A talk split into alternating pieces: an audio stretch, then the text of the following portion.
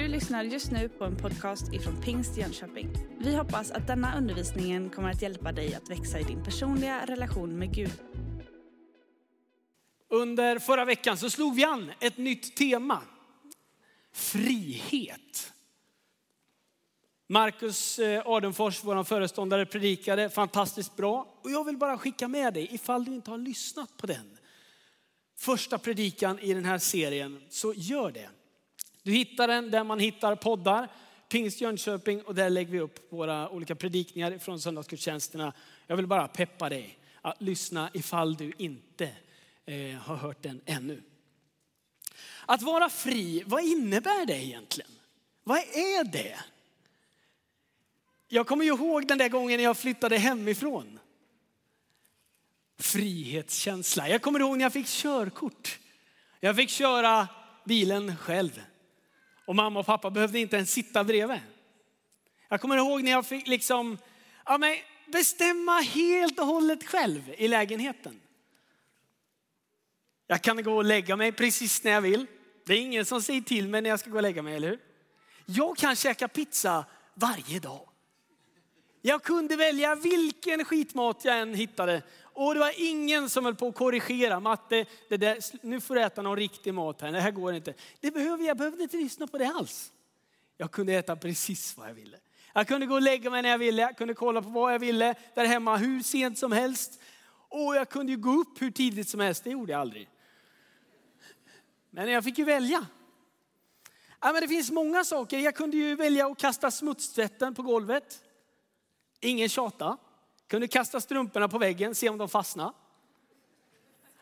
Usch. Ja, det gjorde de inte, men det var tur.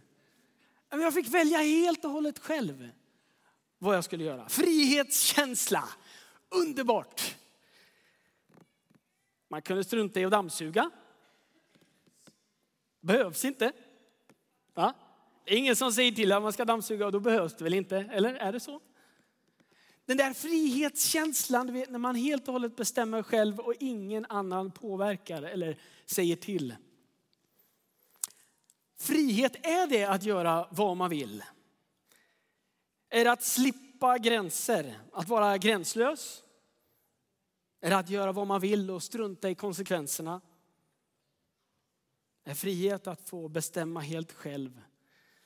Ta alla beslut själv och själv få bära ja, konsekvenserna av det. Är det det som är frihetskänsla? Hörrni, vi ska börja med att läsa ett bibelord idag som inte direkt kanske slår an frihetstonen, men det här är bibelordet och texten för idag och det här kommer vi utgå ifrån, ifrån Jesaja 58. Eh, och vi ska läsa 14 versar till och med. Så nu gäller det att hänga med. Jesaja 58. Ropa ut det så högt du kan och låt din röst ljuda som en trumpetstöt. Förklara för mitt folk deras brott, för Jakobs släkt deras synder. Varje dag söker de mig och vill få kunskap om mina beslut som om de vore ett folk som handlar rättfärdigt och, rättfärdigt och inte överger sin Guds beslut. De ber mig om rättfärdiga domslut och verkar angelägna om att leva nära Gud. Varför har vi fastat när du inte ser det? Varför förödmjukar vi oss när du inte lägger märke till det? På fastedagen gör ni det som behagar er och ni utnyttjar dem som arbetar för er. Ni fastar under bråk och gräl. Ni slåss på ett skamligt sätt med knytnävar. Så som ni fastar idag blir inte er bön hörd i höjden. Skulle det vara en sån fasta som jag vill ha? En dag när man späker sig, böjer huvudet som ett strå och ligger i säck och aska. Är det vad du kallar för fasta? En dag som behagar Herren? Nej, den fasta jag vill ha är att du lossar orättfärdiga bojor. Att du löser okets band. befriar de förtryckta och bryter sönder alla ok. Dela din mat med den hungrige, erbjud den fattige och hemlöse husrum. Ser du någon som saknar kläder, så klä honom. Vänd inte ryggen åt dina egna. Då ska ditt ljus bryta fram som gryningen och dina sår ska läkas. Din rättfärdighet ska gå framför dig och Herrens härlighet som skydd bakom dig. Då ska Herren svara när du ropar och när du ber om hjälp säger han ja, här är jag. Om du slutar upp med allt slags förtryck, upphör med hån och förtal. Om du ger den hungrige mat och mättar den nödlidande, då ska ditt ljus gå upp i mörkret och din natt ska bli som den ljusaste dag. Herren ska leda dig, mätta dig i ödemarken och ge styrka åt benen i din kropp. Du ska bli som en välvattnad trädgård, som en källa där vattnet aldrig tar slut. Dina ättlingar ska bygga upp uråldriga ruiner på nytt och du ska återupprätta de gångna generationernas grunder. Och du ska kallas den som murar igen sprickorna. Den som gör det nedrivna beboeligt. Om du på sabbaten avstår från att göra vad du har lust med på min heliga dag. Om du ser sabbaten som en glädje, Herrens heliga dag, värd att ära. Om du ärar den och inte följer dina egna önskningar, inte gör vad du har lust till och avstår från tanklöst prat. Då ska Herren själv bli din glädje. Då ska jag föra dig fram över landets höjder så att du får leva av din förfader Jakobs egendom. Herren har talat. Det här är ju ett långt bibelstycke som är ganska rakt på sak på något vis. Gud har en konversation med sin profet som han ber säga detta vidare till sitt folk. Viktigt att komma ihåg det, att det handlar om Guds folk. Det är de han tilltalar. Det är där det finns relation redan. Förstår ni? Det här är viktigt när man läser den här texten. Det är inte så att Gud klampar in och försöker styra upp allt och alla och bestämma saker. Utan här finns det en koppling. Det finns en relation. Det finns en överenskommelse sen innan. Ska vi bara ta någonstans, slappna, eller titta över texten lite snabbt och göra någon slags grov, eh, vad ska man säga? Grov sammanfattning av det vi har läst. Det säger så här, var inte egoistisk. Folket i den här berättelsen, de handlade utifrån, de gjorde de fromma handlingarna. De fastade, de gjorde det som såg vackert ut.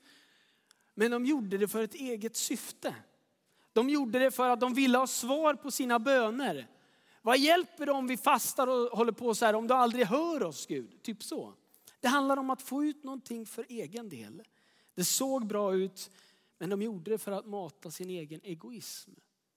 Det kunde se kristet ut på utsidan, fromt, religiöst och vackert. Men på insidan var det någonting annat. Den här texten talar också om att istället vända om och vara generös. Ge av allt det du har, ge av det du har till de som faktiskt behöver det. Jesus, han har ett så stort hjärta för varje människa att han säger alla ni som vill vara med, kom och var med och hjälp mig att mätta den hungrige, att ge en boning åt den som behöver. Ibland så tror vi att om vi börjar att göra det här, vara generösa, dela med oss av någonting. Om du och jag testar att ge ut så tänker vi då får ju jag mindre. Om jag ger av min tid, då får jag ju mindre tid. Om jag ger av mina pengar till någon som behöver det, då får jag mindre. Om jag ger ett rum åt någon i mitt hus, då får jag ju färre rum. Och allt det där liksom blir det att egoismen talar starkare och får mig att inte genomföra den kärleksfulla handlingen mot den nödställde eller mot den som faktiskt har behov av det. Den här texten talar om någonting annat. Här är det som att Gud kliver in på Mattias Maxstads arena, in, rakt in i livet och så ifrågasätter han Mattias, vad gör du med det jag har gett dig? Vad gör du med det jag har gett dig Mattias? Du ser att det finns människor som har stort behov av hjälp.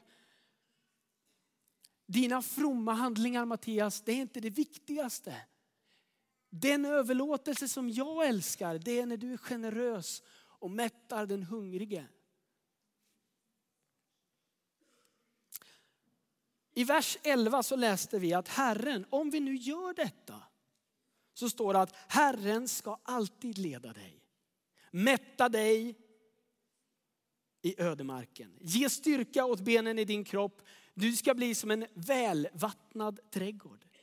En källa som aldrig vattnet tar slut. En källa där vattnet aldrig tar slut. Den här texten talar också om att göra det med ett ärligt hjärta. Att vara generösa. Inte bara göra det rätta på något vis, eller det lätta, utan göra det rätta. Inte hålla de fromma handlingarna högt som jag precis pratade om, utan snarare så är det hjärtats handling, det är där det behöver börja. Och det är viktigt för Gud att få säga det här. För det verkar inte som att den här texten uppmuntrar oss till att gör snälla saker mot människor. Så ska du få bönesvar. Det är ju hela, texten går ju emot själva det resonemanget. Men ibland så ramlar jag i det som kristen. Att man börjar göra någon form av goda grejer för att få tillbaka någonting. Men Jesus han är av en helt annan karaktär. Där utgivande kärlek inte är några strings attached. Det är liksom inte, jag ger en gåva och sen så rycker jag tillbaka lite. Gud han vill ge frikostigt och han vill att du och jag ska göra det också. Han vill inte att vi ska ge för att vi ska få fler bönesvar ifrån Gud. Men han vill säga till dig att om du börjar att våga vara generös mot den nödställde så kommer du, du kommer inte att sakna något. Du kommer att ha tid. Du kommer att ha energi. Du kommer att fortsätta kunna ge ut energi och Gud kommer att finnas vid din sida. Han kommer till och med mätta dig i ödemarken. Där det inte verkar finnas någon mat, där mättar Gud dig. Det här kan få vara vår livsstil, att faktiskt få vara kärleksfullt generösa. Det verkar vara det, den typen av överlåtelse som Gud ropar efter. Och den här texten är otroligt utmanande. Men det står ändå där för vår skull. Frihet. Vad är det att vara fri? Handlar det om att ta för sig eller att ge vidare? Nu skulle jag vilja välkomna fram en, eh, en vän till mig. Eh, och jag önskar att ni skulle ge en varm applåd. Viktor, välkommen fram.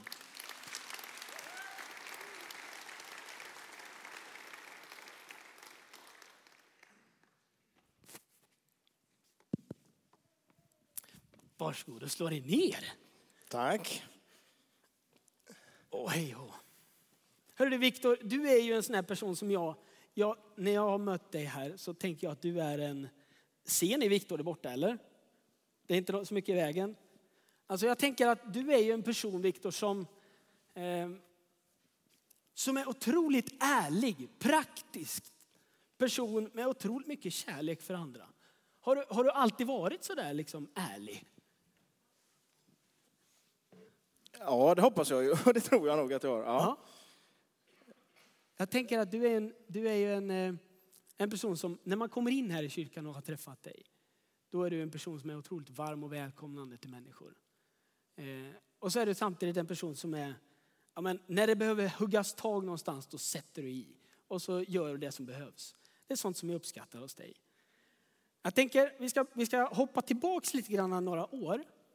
Eh, för några år sedan då hade vi en församlingsdag som vi hade förra helgen, fast det här var ju några år sedan. Mm. Då var vi ute på Nyhemsveckan.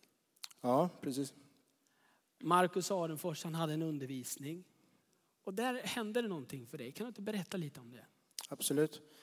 Det är, åren har gått så att det är ganska många år sedan nu. Eh, men eh, i slutet på en samling där så bjöd Markus fram då till, eh, till förbön och han la fram ett kors på golvet där. Och då sa han, spika upp era bönämnen på korset här, sa han. En väldigt symbolisk eh, åtgärd sådär. Och då gnagde det i mig lite grann där att eh, Viktor, du ska nog spika upp här, någonting på korset. Vad var det som liksom eh, gnagde då? Jag, jag har ju alltid, ja, inte alltid, men i princip i mitt yrkesliv drivit eget på, på olika sätt sådär. Och då gnagde det i mig lite grann sådär. Rena affärer gnagde i mig. Mm. Och jag kunde inte bli loss från det där riktigt, utan jag valde att skriva det på en lapp. Och då spikade upp det på korset, det där rena affärer. Eh, det kändes ju jättebra. Jesus dog på korset och vi fick ju mm. spika upp våra synder på något sätt där. Mm. Eh, men det blev, det blev rätt stora konsekvenser faktiskt efter, efter det. Jag minns ju, du fick ju någon, det kom en man och bad för dig där. Mm. Efter att jag varit framme där så gick jag och satte mig. Eh, och då kom en man som heter Palle Sjöström, som tyvärr idag inte är i livet, men kom och bad en oerhört mäktig bön, som jag upplevde det då, över mig där. Och eh, det kändes som atmosfären liksom skakade och jag upplevde då att jag fick en kallelse och en ny inriktning på något sätt mm. över mitt liv. Då. Och det här menar du fick konsekvenser på något sätt? Vad var det som fortsatte att hända? Ja, men den första konsekvensen var ju att man fick den här, att man upplevde att man fick en kallelse. Då. Eh, sen gick tiden lite grann och, och söndag blev måndag och vardagen tog vid. Mm. Sådär. Eh, och det där fanns ju fortfarande i mig. Men det fanns saker som jag kände att jag ville rätta till eller sådär. Eh, det fanns saker som jag kände att om jag ska följa Gud till hundra procent och, och, och liksom vara kallad av honom då är det ju på riktigt allting. Då måste man ju ta det på, på 100 procent. Liksom. Då kan man inte göra sådär bara. Mm. Vad var det som blev, alltså rent konkret så här. Det här blir ju, jag menar, du är ju otroligt modig, jag måste bara säga det. Som väljer att sätta dig här och få, och få berätta och jag uppskattar det otroligt mycket. Modig eller korkad, jag, jag vet Både och kanske. Nej, men det var saker som Gud pekade på eh, eh, konkret som, som jag kände att jag behövde rätta till. Då. Jag gick in och ut till exempel ur min ytterdörr hemma. Eh, och när jag gick in och ut där så, så var det ett, ett obehag, eller jag fick inte frid. Och jag kände till slut att Viktor, den här ytterdörren, den är inte din, kände jag. Den hade jag ju då köpt på ett sätt som inte är rätt. Då. Mm. Och, och det gnagde i mig. Så jag fick gå till min jag kände att ja, så där vill jag inte ha det. Jag vill ha frid och jag vill ha liksom, eh, rena rör. Eh, så jag gick till min kille på kontoret där och bad, du den där dörren, den är ju många år gammal, men leta fram den fakturan och så skickar du den till mig privat. Fick en konstig blick av honom där. Jaha, ja, men säger du så, så, så gör vi så, sa han. Och sagt och gjort, så blev det då. Och det fortsatte. Jag kände efter en tid, jag hade inte frid. Fönstren hemma, Viktor, de är inte dina. Samma sak där. Jag, jag, gick till killen på kontoret och folk i min närhet eh, eh, på jobbet sa, vad spelar det där för roll, Viktor? Det är gammalt, släpp det. Men jag kände inte frid och jag kände, jo men det spelar faktiskt roll, jag måste då. Och så, så blev det med fönstren också. Emma, min fru, hon började undra, Viktor, vad, vad, är det som händer? Pengarna tar slut här nu när du håller på sådär. Och, men jag kände ändå, ja, det, ja så får det vara. Och det, ja, jag fortsätter. Ja, men, eh, det, det, ja, men det var, Gud mer, pekade på... Mer. Nej. Nej, men jag vet ju att vid ett tillfälle, då kommer du ner i, var det garaget? Mm. Nej, men det, var, det var flera grejer som Gud pekade på. att du ändrar på det här Viktor. För att ska du använda mig så måste det vara rätt. Liksom. Jag hade en bil som jag fick sälja som jag inte använde på riktigt rätt sätt. Mm. Eh, och vid ett tillfälle, som du säger Mattias, så gick jag ner i garaget och tog på mig en jacka. I handen höll jag en skruvmejsel. Och då kände jag, Viktor, de här grejerna är inte dina heller. Och då, då, då kom faktiskt tårarna på mig och jag blev, men gode Gud, vad ska, vad ska jag göra? Jag, jag, vill liksom, jag vill göra allt för att det ska vara rätt. Och, och hur, hur kan jag rätta till? Nej, du kan inte rätta till, liksom, upplevde jag. Det var därför jag dog på korset. Och jag upplevde att Gud sa till mig, det var hit Viktor, jag ville att du skulle komma. Gå nu och synda inte mer. Mm. Ungefär så. Wow.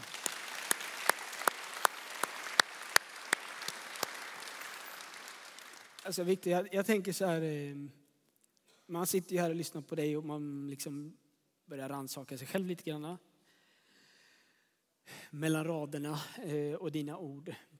Jag tänker att det är många här kanske som man, man har sådana här typer av upplevelser där man, ja, men, man blir påminn om någonting. Vad skulle du vilja säga människor som känner så här, här jag kanske känner igen mig typ på något vis i det här. Eh, om du skulle skicka med någonting som någon form av sista ord här. Ja, men det är jättesvårt. Eh, det här är ju på eh, vad man känner själv på individnivå. Det här var ju det jag kände och någon annan kanske känner något annat. Jag tycker att... ehm, ja, eh, spika upp lapparna på korset, eller synderna på korset. Det är väl det mest konkreta då. Jag tycker det är fantastiskt viktigt att du väljer att dela det här.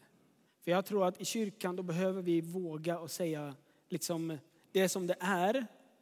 Ibland så blir det så mycket fasad på ett eller annat sätt. Och en del kan ju tänka så här, det där var väl inte så farligt. Och så börjar man jämföra sig med varandra. Eller, ja, jag har ju gjort fel men det är ju inte så där illa i alla fall. Eller någonting.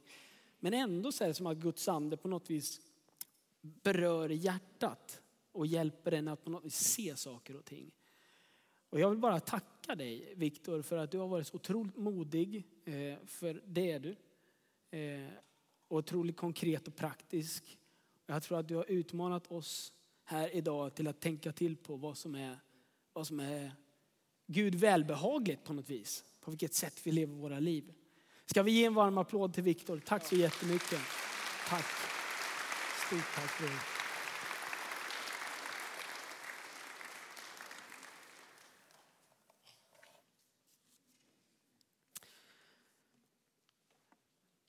Tack så hemskt mycket. Har du, vill du kolla bara, ge mig en, jag glömde sätta timer här uppe, så ge mig en liten. Tack så mycket. Eh, har du provat sport utan regler någon gång? Alltså tänk dig själv att du, eh, du väljer att eh, gå på en brottningsmatch. Du sitter där och tittar, vi säger att det är olympiska spelen. Det är final i brottning och där ligger de och håller på och jag vet ju inte allt vad man gör, men de brottas, det är vad man gör.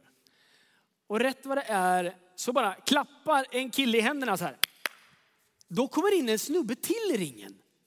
Som bara totalt tacklar ner den andra killen.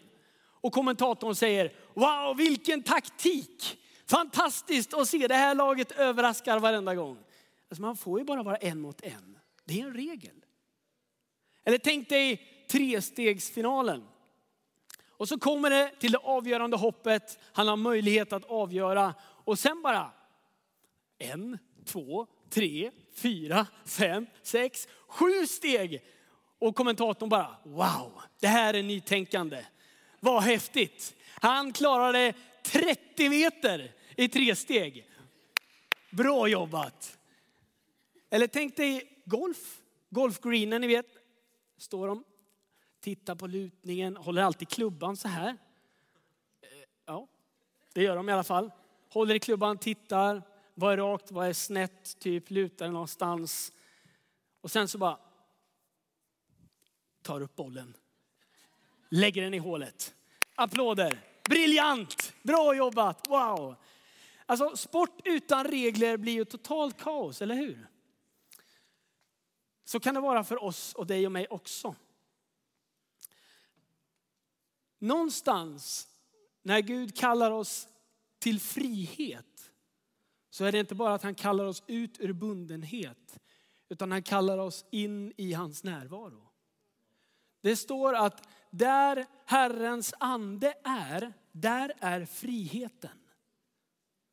Där Herrens ande är, där är friheten. Där är det som att Gud omsluter. Så det är inte bara att han kallar och hjälper dig och mig komma ut från någonting. Utan han hjälper dig och mig att komma in i frihet.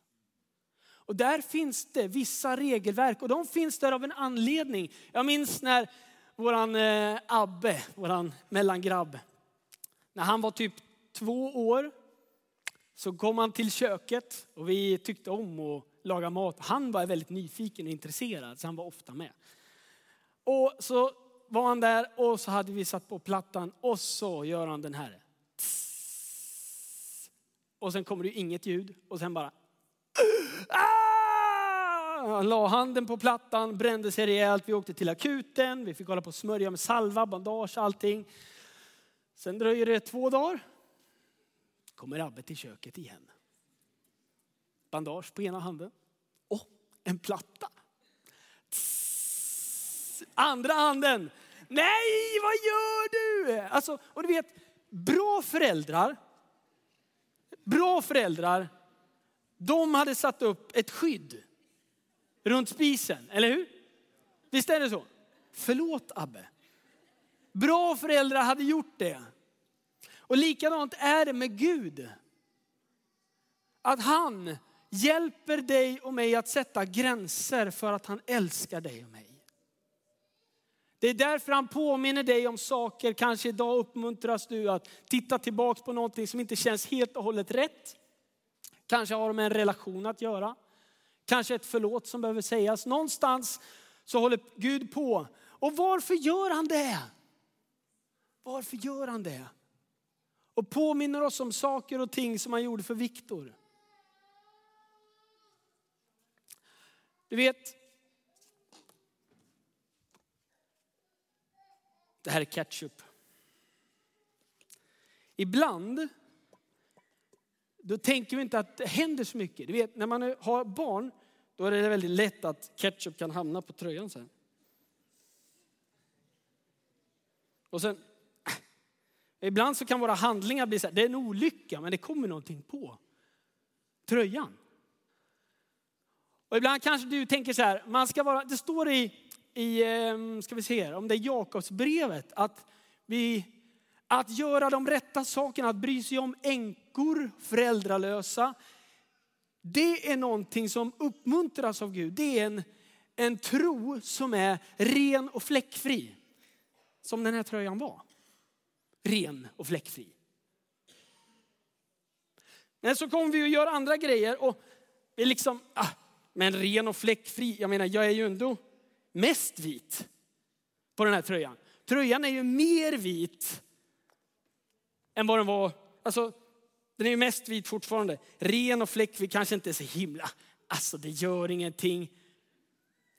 Och sen kan man börja tänka så här, men Gud förlåter mig ju ändå. Alltså jag vet ju att jag kan be Gud om förlåt, så varför inte lite ketchup till på den här tröjan?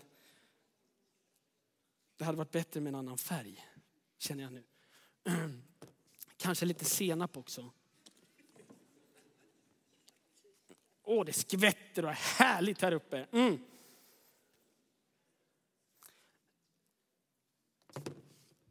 Om du nu, har du sett den här fantastiska reklamen på tv? Man tittar på tvättmedelsreklam, så ser man det här. En otroligt overkligt smutsig tröja. Alltså det är omöjligt att skvätta eller spilla så mycket. Man kan inte bli så där smutsig. Och sen så tittar man före och så är det hur smutsigt som helst. Sen är det efter och då är det till allt superrent. Alltså det är så vitt så att jag tänker så här, antingen så är den här fake. Den här reklamen är totalt, den är ren fake. Och sen, eller så är den så giftigt medel så jag vill ändå inte använda det där medlet. Det kan inte bli så rent. Det här var verkligen kladdigt. Ja. Mm. Nej, så här. Om Gud nu hjälper dig och mig att se saker och ting som är fläckar i våra liv. Saker och ting som du kanske har gjort medvetet eller omedvetet. Och så börjar Gud påminna dig om saker och ting som du behöver göra upp med. Det är ju typ omöjligt. Hur ska jag få den här tröjan ren när den fortfarande är på? Jag kan ju inte hoppa in hela jag i en tvättmaskin, eller hur? Jag måste ge bort det. Jag måste ge iväg det. Om frihet, om det här har blivit någonting som hjälpt, alltså det har drivit mig till att ha dåliga vanor. Till slut, då är det liksom att hålla på med den där smutsen, vad det nu kan vara, orena affärer eller om det handlar om porrsurfning eller vad det nu kan vara för någonting som kan vara din issue. Eller om det handlar om skitsnack eller förtal eller hån eller att se ner på andra. Vad det nu kan vara som kan ha blivit ett mönster för dig så är det svårt att tvätta bort det själv. Du måste liksom försöka få av dig den här. Eller hur? Ni måste ta bort det. Och om du inte gör det, oh, nu ska vi se om jag kan få min här. Om du inte gör det, då kommer du aldrig bli ren. Men det var som Viktor sa i intervjun. Det handlar om att du får ge bort det. Du kan inte rätta till allting. Du måste ge bort det. Och ibland när du kanske har gjort, ja men du har lyckats ge bort det värsta. Du har sagt Gud ta det här, ta det då. Som Viktor sa, jag, jag säljer bilen. Ja, ta det här nu. Jag, jag gör rätt för mig. Och så är det ändå någonting som sitter kvar. Små saker. Och då kanske du tänker så här, nu börjar jag bli galen. Det här går inte. Vadå? Här står jag med en skruvmejsel i näven och Gud börjar tala med mig. Eller så är det små saker som du kanske vanligtvis hade tänkt så här, en liten vit lögn. Ah, det är inte så noga. Men det är viktigt att förstå att du och jag kan inte på egen hand göra detta rent igen. Det handlar bara om att ge det till någon annan till Jesus Kristus som varken är fejk eller giftig. Han är bara så ljus och så stark så att han kan förlåta din synd. Han har betalat priset för att du ska få bli förlåten. Han har betalat för att du ska få bli fläckfri. Det finns något bibelord där det står också om schalakan. Om din synd skulle vara som schalakan. Alltså superröd. Om din synd skulle vara röd som ketchup så kan jag ändå göra dig ren. Det står att för den som är i Kristus Jesus, han har blivit en ny skapelse. Något nytt har kommit. Och Gud han vill ta allt det där som du har. Allting. Till och med den lilla fläcken. Den vill han ta av från dig.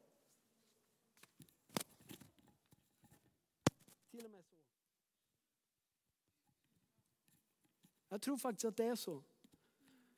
Gud han påminner dig om saker och ting idag. Och rätt vad det är så förstår du att jag behöver lämna det här till Gud. Och jag är inte ute efter att predika någon form av laggärningslära idag. Att du måste vara perfekt.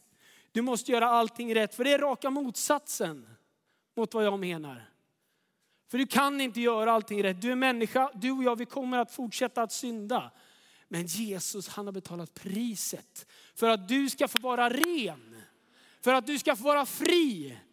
Och för att han vill kalla dig in i frihet där du får släppa greppet om dåliga vanor. Där du får ge möjligheten till nya vanor. Nya chanser. Och där du också får förlåta andra och ge dem nya chanser. Kanske du sitter här inne idag som har precis det som din utmaning. Jag vill be lovsångsteamet att komma upp. Gud, han vill kalla dig in i frihet. Men han älskar dig så otroligt mycket så att han sätter skydd på spisen för din skull. Och han önskar att du skulle rätta dig efter de skydd som han har satt där. Tänk dig en balkong utan räcke. Är det frihet? Åh vad härligt, en balkong utan räcke, det är fantastiskt. Det är livsfarligt. Tänk om du skulle snubbla eller falla och det skiter sig rejält. Men tack vare Jesus så hjälper han dig Och han reser dig upp igen. Och han sätter fram sitt staket på balkongen för din skull. För att han älskar dig så otroligt mycket. Där Herrens ande är, där är friheten. Om du längtar efter frihet i ditt liv, försök inte att göra allting rätt. Börja med att söka Guds ande. Börja med att dra dig nära Jesus. Sen kommer han hjälpa dig med resten. Jag tror det finns här som längtar efter den formen av frihet på ett eller annat sätt. Saker och ting som du påminns om nu, det gör inte Gud för att han vill vara taskig utan för att han vill hjälpa dig loss från sånt som har hållit dig tillbaka. För han vill att du ska få vara fri och tjäna. Han älskar dig så otroligt mycket. Kanske det är så att du finns här idag som, eh, ja men du kanske längtar efter att få lära känna Jesus. Du kanske längtar efter att få ta emot Jesus i ditt hjärta. Du kanske inte har gjort det innan. Då tänker jag att den här möjligheten vill jag ge dig nu. Möjligheten att få starta en relation med Jesus Kristus. Med vetskapen om att han har dött på korset, betalat ett dyrt pris för att du skulle få bli ren. För att du skulle få ett rent samvete. För att du skulle få älska andra och dig själv. Utan skam och fördömelse när du ser på varken dig själv eller andra. Han har dött för att han vill hjälpa dig att bygga relationerna i din familj på ett bra sätt. Där inte ilska och vredesutbrott är det som sätter tonen i relationen. Utan han vill hjälpa dig vidare. Idag så vill jag inbjuda dig att få ge ett svar genom att räcka upp en hand i luften alldeles strax.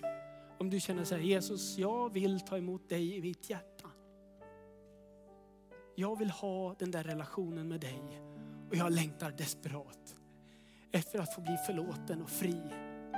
Jag längtar efter frihet jag längtar inte bara efter frihet utan också efter närhet med dig Gud. Så under tiden som vi alla blundar nu, runt om i lokalen. Jag tror att vi ska resa oss upp också. Vi reser oss upp och så kan vi blunda. Vill du absolut sitta så är det okej, okay, det är okej. Okay. Är det så att du nu känner, ja Jesus, jag vill ta emot dig i mitt hjärta. Då får du räcka upp handen i luften nu. Under tiden som alla andra blundar så får du visa ett tecken. Jesus, jag vill tro på dig. Jag vill bli förlåten för min synd. Gud ser dig, tack Herre. Gud ser dig, han ser era händer. Här nere i mitten är det någon på min högra sida här borta som vill räcka upp handen. Gud ser din, din hand. Det är många som lyfter sin hand och säger Jesus jag vill ha en relation med dig, jag vill bli förlåten min synd. Och om du, finns du på läktaren? Tack Jesus. Tack älskade Jesus. Du som vill ta emot Jesus i ditt hjärta. Sträck näven rakt upp i luften nu under någon sekund. Du vet att Gud har sett dig. Nu kan du ta ner din hand. Nu önskar jag att vi som kyrka tillsammans skulle be en bön. Jag läser före och ni härmar och följer efter. Och du väljer om du vill tala ut den här bönen högt eller om du vill låta det här eka i ditt inre som en hjärtats bön om frälsning och förlåtelse. Vi ber tillsammans. Tack Jesus. Tack Jesus för att du älskar mig. Tack för att du förlåter mig och tvättar mig ren. Du gör mig ny och förlåter det gamla. Nu vill jag ha en relation med dig. Lär mig att älska dig. Visa mig att du älskar mig. Om och om igen. Tack Jesus.